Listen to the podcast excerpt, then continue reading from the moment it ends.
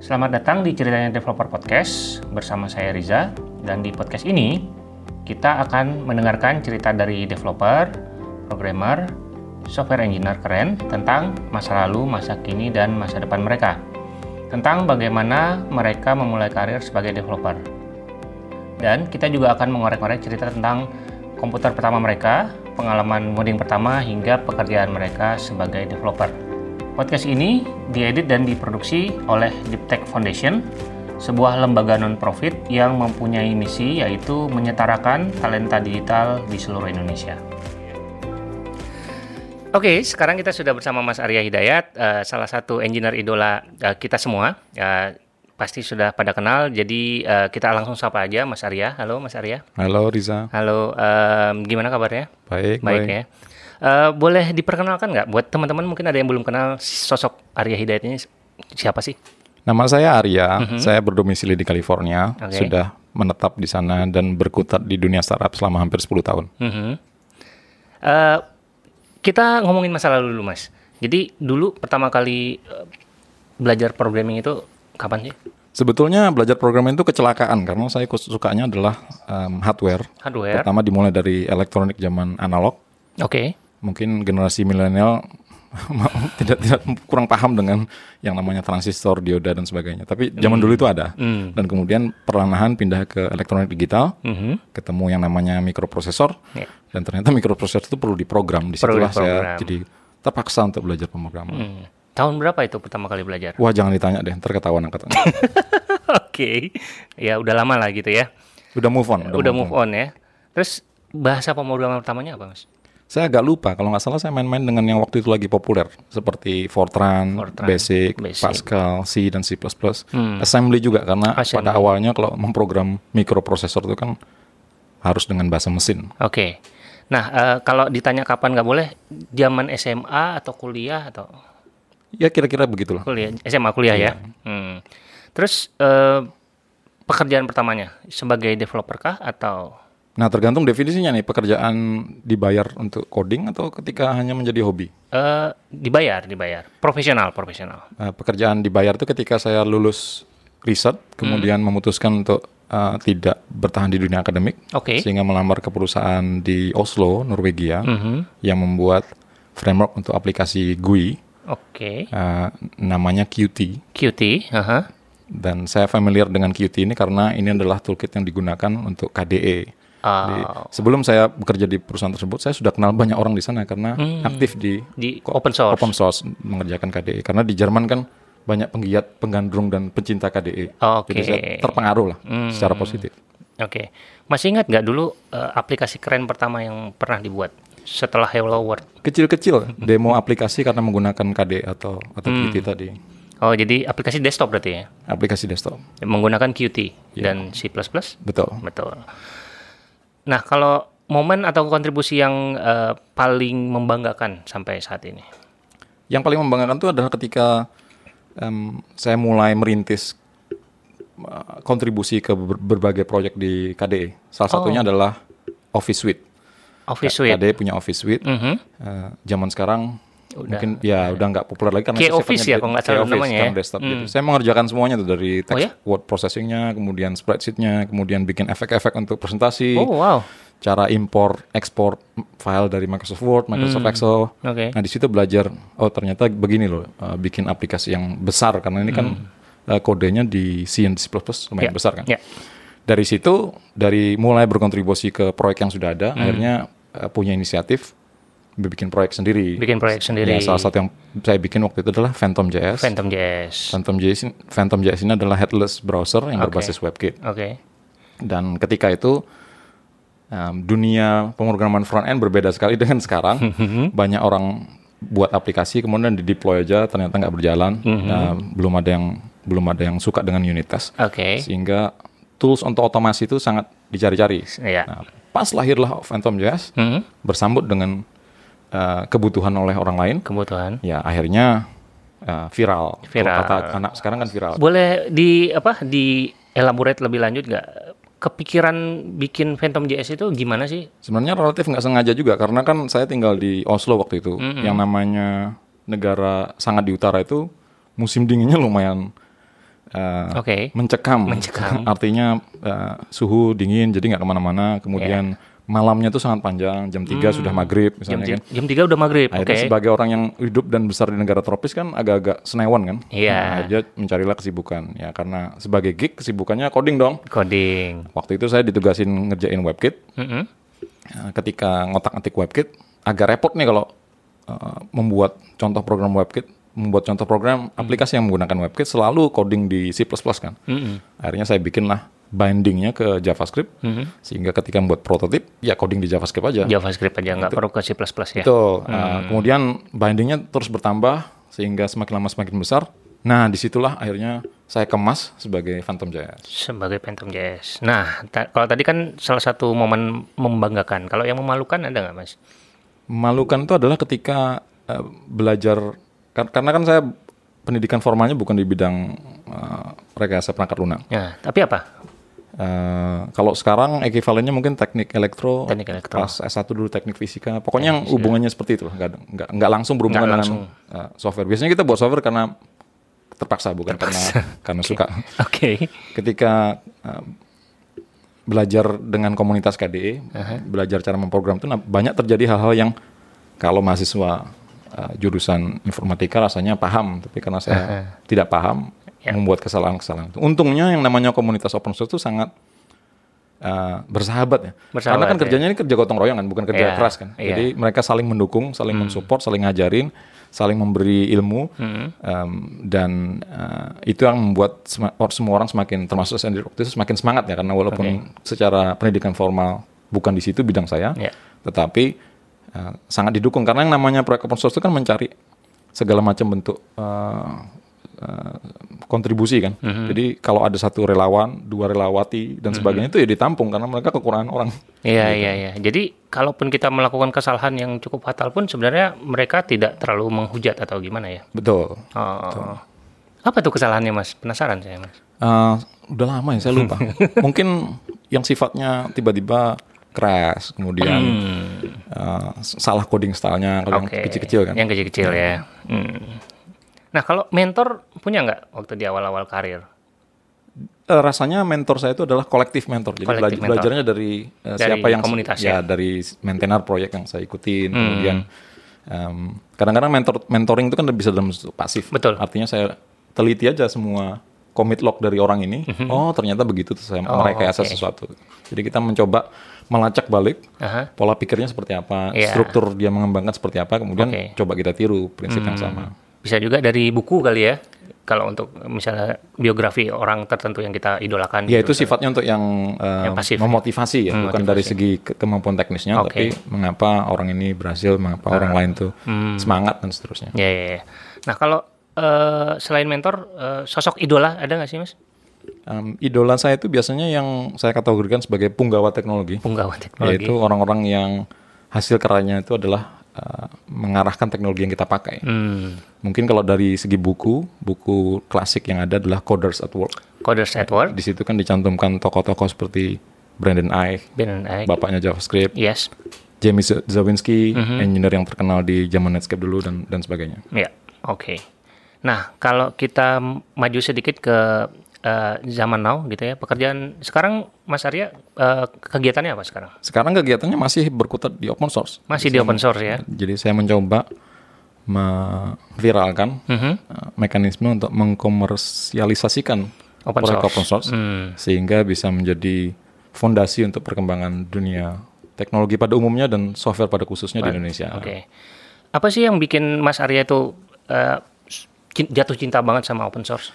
Yang ada dua, yang pertama kan karena open source itu sebenarnya budaya Indonesia kan itu istilah fancy untuk gotong royong.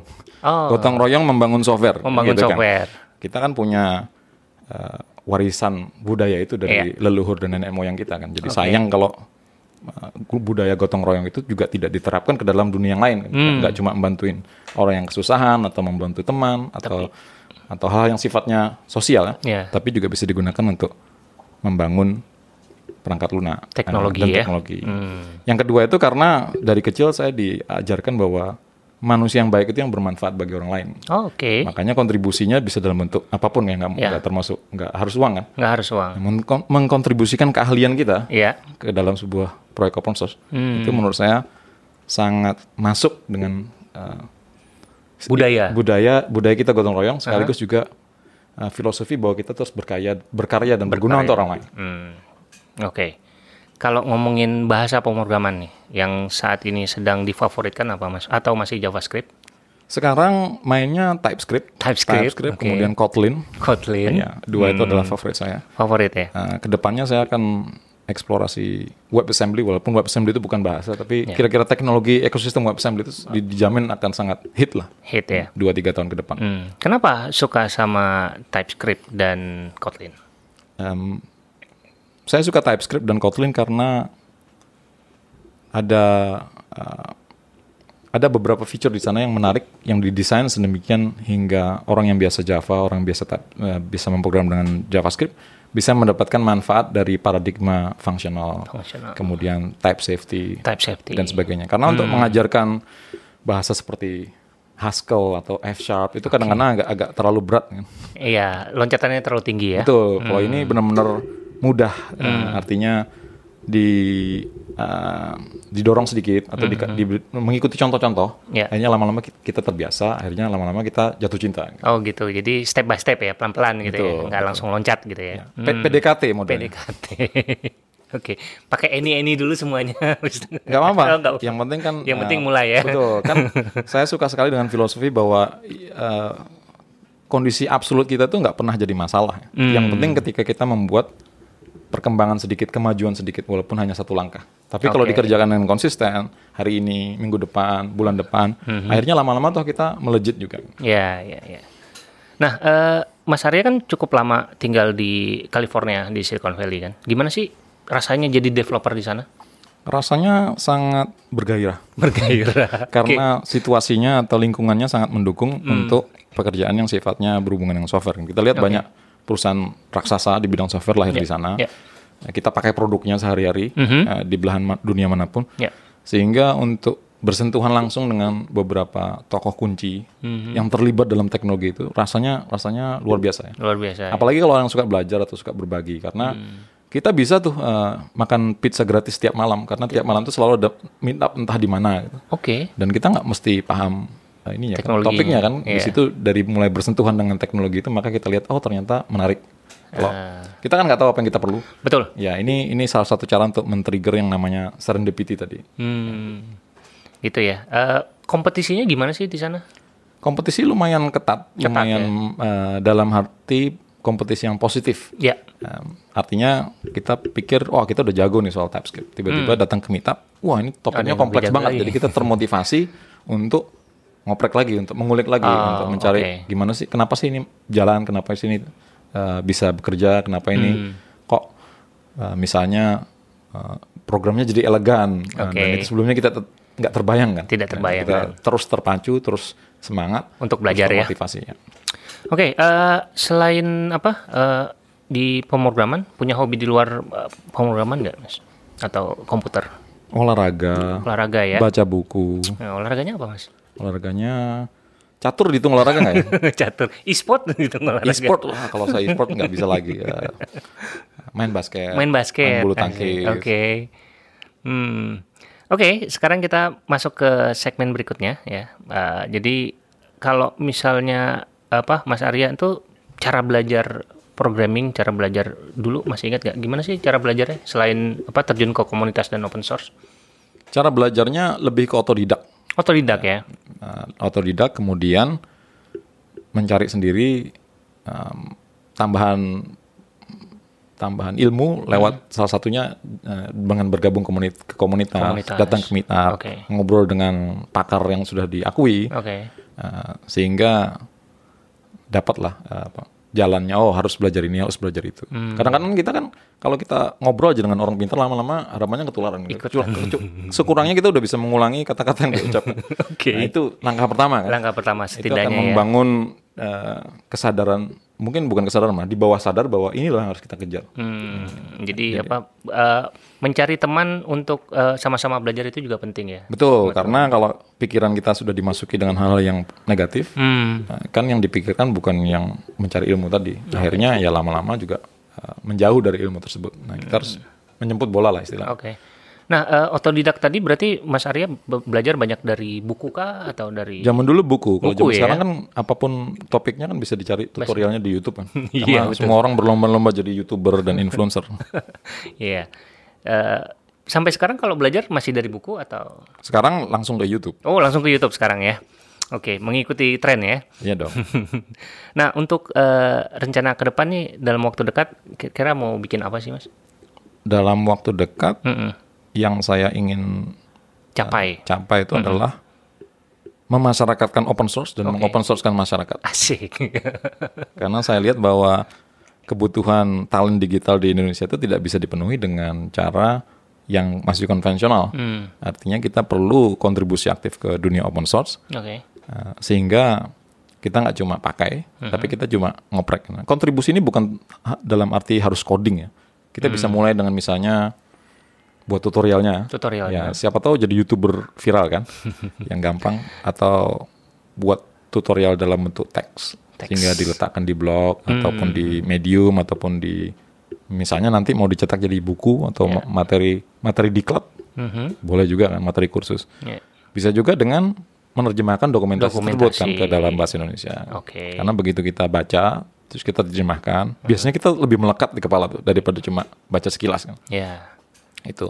Nah, atau kita tambahin lah unitasnya kan gitu kan. Hmm. yang belum ada unitas kita buat yang sudah ada kita tambahkan. Oke. atau juga misalnya kontribusi oh ada bug nih. Hmm. ya kita buatlah laporannya. Lebih bagus lagi kalau bisa memperbaikinya. Kan Oke. seperti itu. Hal-hal yang sep- kecil seperti ini secara kolektif akan membuat kita merasa nyaman bekerja dengan proyek tersebut.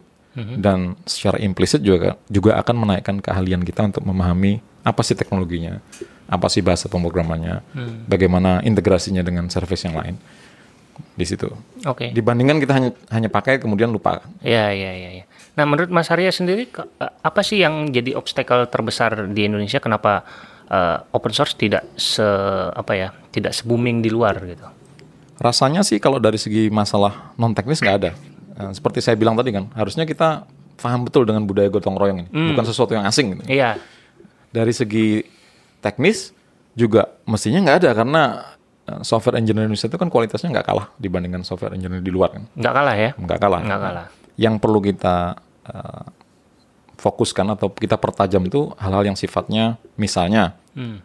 mode, eh, role model atau contohnya belum ada kan. Oh, role modelnya harus diperbanyak. Gitu. Betul. Jadi eh, misalnya sekarang bersama teman-teman lain yang peduli tentang perkembangan open source di Indonesia, kita mau buat direktorinya tuh semua proyek open source Ya, yang ditelurkan oleh individu individu, ataupun yang dikerjakan sebagai bagian dari kerja di perusahaan. kan. perusahaan. Itu artinya ketika banyak proyek seperti itu mulai bermunculan, Mhm. kan yang baru akan terjun ke dunia open source akan Semakin banyak. semakin banyak atau dapat in- inisiatif atau dapat motivasi ikut Oke. bantuin ikut bikin dokumentasi dan seterusnya ya Iya. ini yang paling penting yang kedua adalah bahwa eh, dukungan dari perusahaan juga penting Dukungan dari perusahaan. betul jadi kan hampir tidak mungkin sekarang kalau bikin apps baik di back end atau di front end atau di mobile itu tanpa menggunakan proyek Open source. source, artinya eh, sebagai sebuah perusahaan software sudah dapat banyak manfaat dari open source kan. Yeah. Ada salahnya untuk memberikan balik, Memberikan, ya. kontribusi balik Hmm.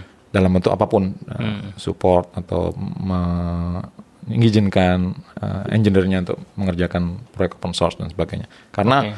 Begitu disupport secara institusional, kan akhirnya orang akan termotivasi, engineer Yeah. akan termotivasi. Dia nggak harus curi-curi waktu di akhir pekan atau pas sudah mau tidur baru coding gitu kan. Iya, iya, iya. Jangan, harusnya dijadikan bagian dari eh, eh, kegiatan kerja ya. Oh, Karena jadi- itu kan dihitung belajar kan. Iya, iya betul betul. Jadi budaya apa eh, perusahaan-perusahaan di Silicon Valley sudah men-encourage eh, untuk individu untuk employee-nya untuk kontribusi ke open Jadi source. ada beberapa level. Yang pertama adalah anti open source. Ini mungkin nggak akan nggak akan ada lagi. Um, kan kita masih dengar perusahaan yang Iya. proprietary yang nggak usah disebutkan namanya. Iya. Kemudian ada juga yang Kalau kita buat sesuatu modul aplikasi Hmm. library internal yang tidak membocorkan rahasia perusahaan kan, ya kita open source kan aja kan, diluncurkan Hmm. di GitHub, di GitLab atau entah di mana pun ya. Karena toh tidak ada dampaknya terhadap eh, ekonomi perusahaan. Betul. Jadi mending kita bagi ke orang lain kan. Iya. Siapa tahu dimanfaatkan orang lain juga. Hmm. Itu yang level berikutnya. Level terakhir itu adalah ya memang diniatkan bahwa apa pun yang dikerjakan tim engineer mereka itu akan open source. Akan open source. Kecuali tim legalnya bilang nggak bisa. Oh, Biasanya karena ada alasan iya, iya. alasan non teknis kan. Ya, ya, ya. Tapi kalau nggak ada alasan apa pun, itu pasti akan satu saat akan nongol di GitHub-nya atau entah di mana gitu.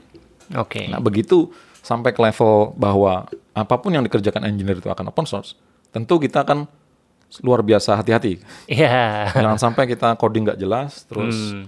lima tahun lagi lamaran kita ditolak karena karena camornya ternyata punya account GitHub dan menyelidiki oh ini orang ini nggak punya unit test dulu kan. Oke, itu jadi kayak apa ya? Pair programming tapi secara publik gitu ya, di, di bisa di Karena kita malu kan, ini kan masalah reputasi kan. Kalau saya lihat komit saya yang dulu-dulu zaman KDE 15 tahun lalu itu agak mengerikan juga. Mudah-mudahan nggak ada yang menemukan gitu.